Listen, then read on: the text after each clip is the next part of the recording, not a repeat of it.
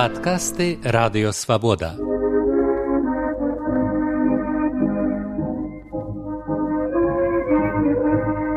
Падарожжа ў БНР з Сергеем Шупам.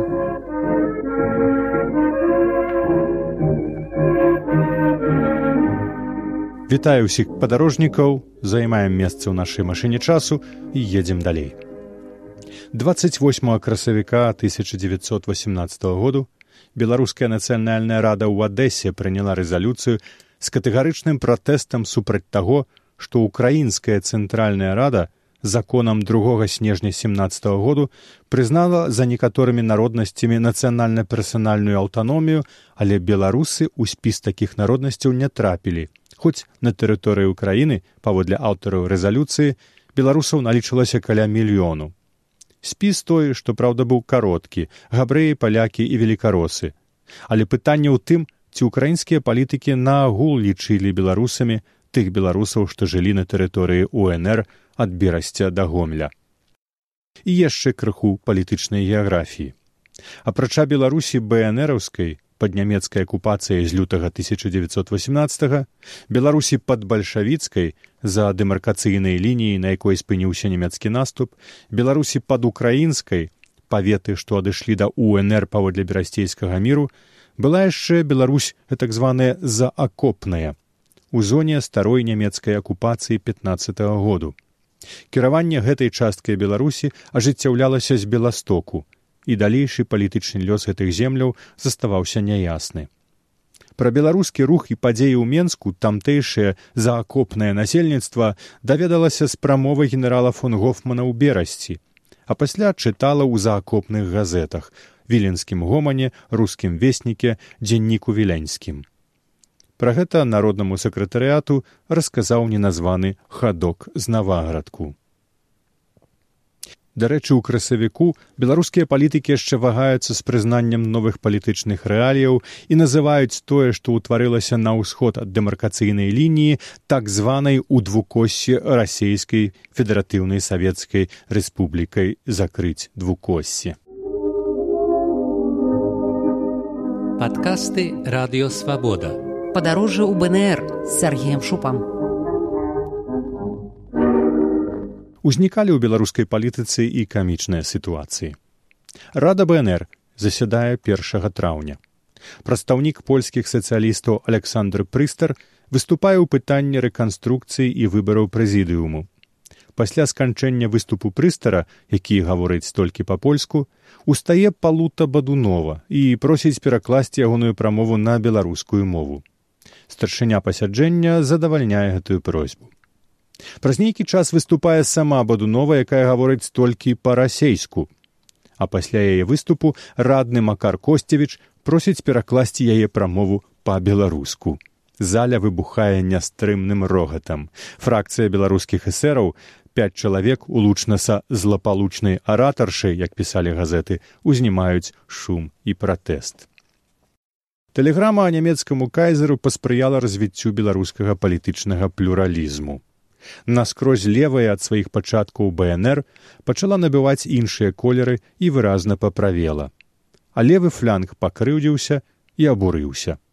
Тамаш грыб народны сакратар земляробства як удзельнік вялікай расійскай рэвалюцыі назваў учынак паплечнікаў здрадай ідэі рэвалюцыйнага сацыялізму не пад апекай буржуазіі не пад абцасам нямецкага жаўнера я бачу лепшую будучыню нашай зруйнаванай і знішчанай старонкі і забітага абкрадзенага люду піша ён у заяве аб выхадзе з народнага сакратарыяту. Скандал вакол тэлеграмы кайзеру прывёў да расколу найстарэйшай беларускай палітычнай партыі беларускай сацыялістычнай грамады створанай яшчэ ў 1902 годзе На руінах грамады за лета 1918 сфармаваліся тры новыя партыі.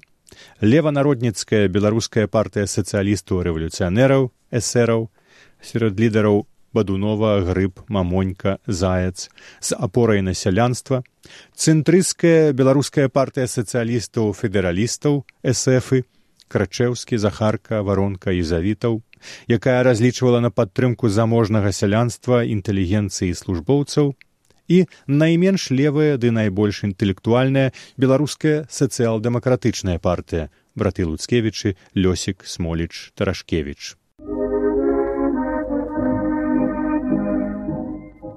Падкасты радыёвабода. Падарожжа ў БНР з Сергеем Шупам.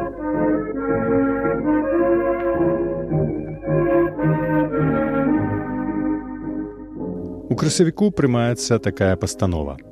Народныя сакратары ад беларускай народнай рэспублікі, разглядзеўшы даклад старшыні Язэпа варонкі аб устанаўленні дзяржаўнай пячаткі рэспублікі, аднагалосна прыняў прапанову дакладчыка і зацвердзіў малюнак пячаткі беларуска-літоўскага князя мендоўга пачатку 13 стагоддзя. У цэнтры пячаткі змешчаны малюнак пагоня у выпуклым і квадратным арнаменце з старажытна-беларускім узорам па баках гунька на кані з трыма зубцамі у адрозненне ад круглай па кругу надпіс у стылі летапісаў беларуская народная рэспубліка канец цытаты.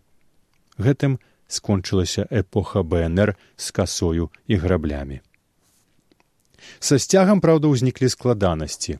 Вялікія ўскладненні ў гэтым пытанні ўзніклі ў сувязі з тым што літоўцы якія сапраўды не мелі ніякай нацыянальна-палітычнай эмблемы ў выглядзе сцяга запазычылі некаторыя эмблемы ў беларусаў.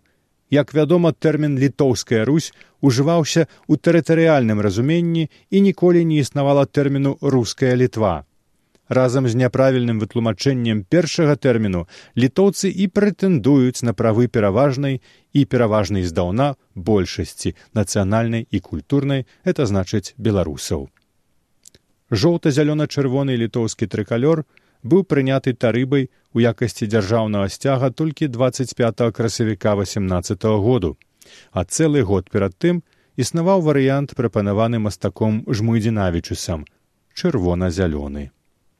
Антон Луцкевіч, адукаваны еўрапейскі інтэлектуал, мякка кажучы, вельмі не любіў вацлава ластоўскага, таленавітага і амбітнага самавука, які змагаўся з ім за лідарства на палітычным і грамадска-культурным полі. Блізкая сяброўка сям'і луцкевічаў Юльяна Вітандубейкаўская успамінала, што ў ластоўска цытую была хвараблівая амбіцыя, ён не мог прымірыцца, чаму не ён, а браты луцкевічы, асабліва Іван іграюць першую скрыпку сярод беларусаў.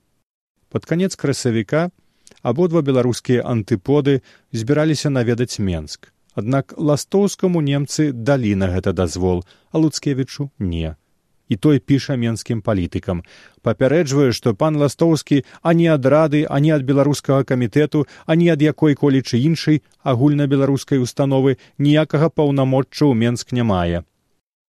Менскія прынялі інфармацыю да ведама але не да дзеяння. Ластоўскага яны прынялі Ён гасцяваў іх ад 4 до 8 траўня. А на развітанне прызналі яго паўнамоцтвы, перадалі з ім для Луцкевіча пакет з важнымі матэрыяламі.